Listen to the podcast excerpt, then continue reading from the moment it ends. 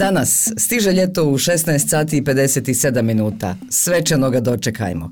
Hoće li Republika Srpska izbrisati visokog predstavnika iz svojih zakona? O čemu će Sarajevski energetski forum?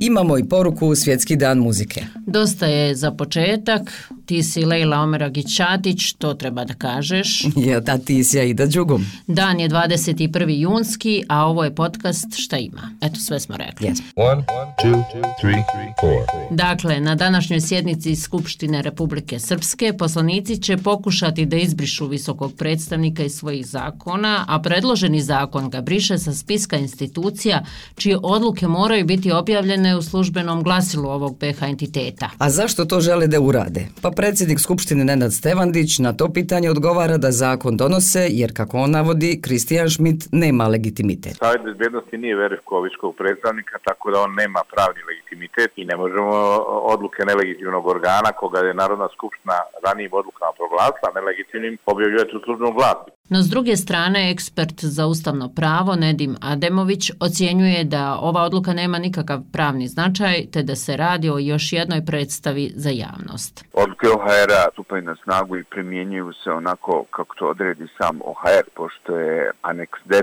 na opšti okvirni sporazum za mir u BiH, jedan autonomni sistem kao dio međunarodnog prava koji se primjenjuje i entitetski pravni sistem apsolutno nema bilo kakav uticaj na značaj aneksa 10. Počinje Sarajevski energetski forum, a jedan od panela u naredna tri dana bit će obaveze i trenutna pozicija BiH i zemalja regije u procesu dekarbonizacije. Sve zemlje regije su se obavezale na provođenje zelene agende i podržavaju ciljeve Unije da Evropa do 2050. bude CO2 klimatski neutralna. Ovo je prvi panel danas, dok je drugi...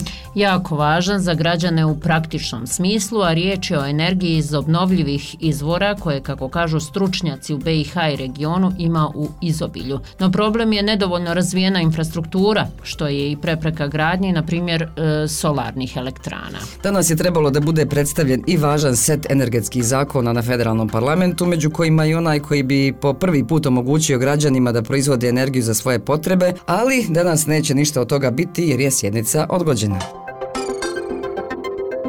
Zanimljiva konferencija u Međugorju počinje danas, u Međugorju koje je poznato po vjerskom turizmu. Upravo o tome će danas biti međunarodna konferencija na kojoj učestvuju gosti iz 18 zemalja, a bit će više od 50 naučnika. Tri dana traje konferencija i osim Ostara, učesnici će posjetiti ključna mjesta s potencijalom za razvoj religijskog turizma. Jeste, idu u manastir Žitomislići, teki u Blagaju, grob Moše Danona u Krajšini, kod Stoca, samostan Svetog Ante na Humcu kod Ljubuškog i naravno Medjugorje.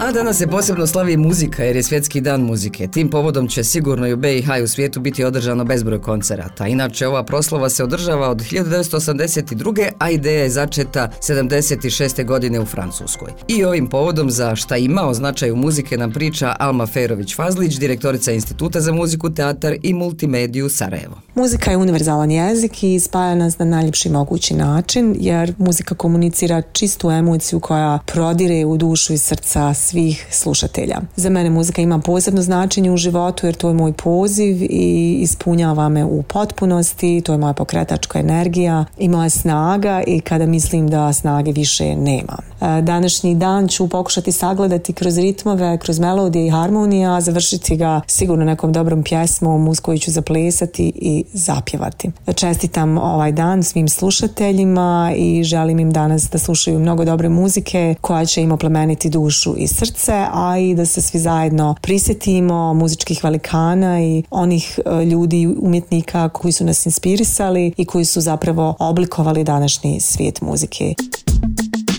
E, danas nam je najduži dan u godini. Jesi li skontala Ida kako ćeš ga iskoristiti? Hm, znam, meni će dan baš da traje. Ustala sam u pet, uradila pozdrav suncu i mjesecu i tako. Prosto divotica od života.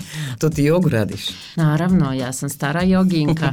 I da znaš da je na svjetski dan joge bitno reći da su prednosti praktikovanja te drevne vještine jer vladamo tijelom i umom velike. Sama joga je fizička, mentalna i duhovna praksa koja je nastala u Indiji prije oko 6000 godina. Au, zanimljivo. Hoćemo li zajedno da ovladamo ovom drevnom vještinom? Hoćemo, prvo i osnovno treba da dišeš. Om. Pozdrav suncu i vama. Namaste. Ćao do sutra na istom mjestu. Ćao.